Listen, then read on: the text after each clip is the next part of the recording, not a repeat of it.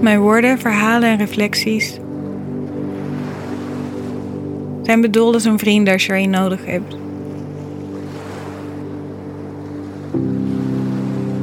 Niet eentje die alle antwoorden heeft, maar eentje die werkelijk niks van wat jij denkt, voelt of meemaakt raar vindt. Eentje die weet dat we allemaal even eigenaardig, hetzelfde uniek en briljant imperfect zijn. Mijn woorden zijn ook een manier om diepere lagen in jezelf te raken.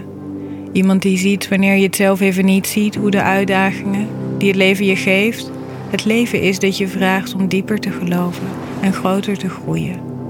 Hoe het leven op die manier zo mooi en pijnlijk tegelijkertijd kan zijn. En ze zijn vooral een uitnodiging om gewoon even te mogen zijn, zonder iets te moeten of hoeven. Ik ben hier niet om je te vertellen hoe het leven geleefd moet worden.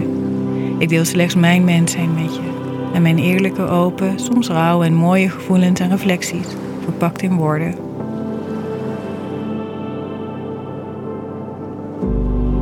Ik heb het leven lange tijd maar ingewikkeld en pijnlijk gevonden.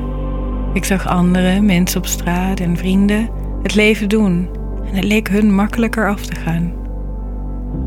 Ik ben koppig en eigenwijs en het leven moest me hard neerduwen om naar binnen te gaan, om die plek van binnen te vinden, die ik, die ik de altijd oké is noem.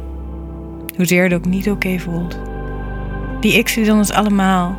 Het is de plek die geen angst kent, geen twijfel of spijt en geen fouten kent. De plek die volledige en totale acceptatie voelt met het verhaal waarin je bevindt. Om te ontdekken dat het leven inderdaad vanuit daar altijd klaar staat om nieuwe deuren te openen. Het kostte mij een tijdje om dat te doen, werkelijk naar binnen gaan. Niet een beetje, niet half omheen, niet vooral erover lezend of denkend. Misschien zullen mijn woorden je helpen minder lang nodig te hebben. En misschien neem je langer je tijd. Het maakt niet echt uit, want als je die plek binnenin voelt, weet je dat er toch geen haast is.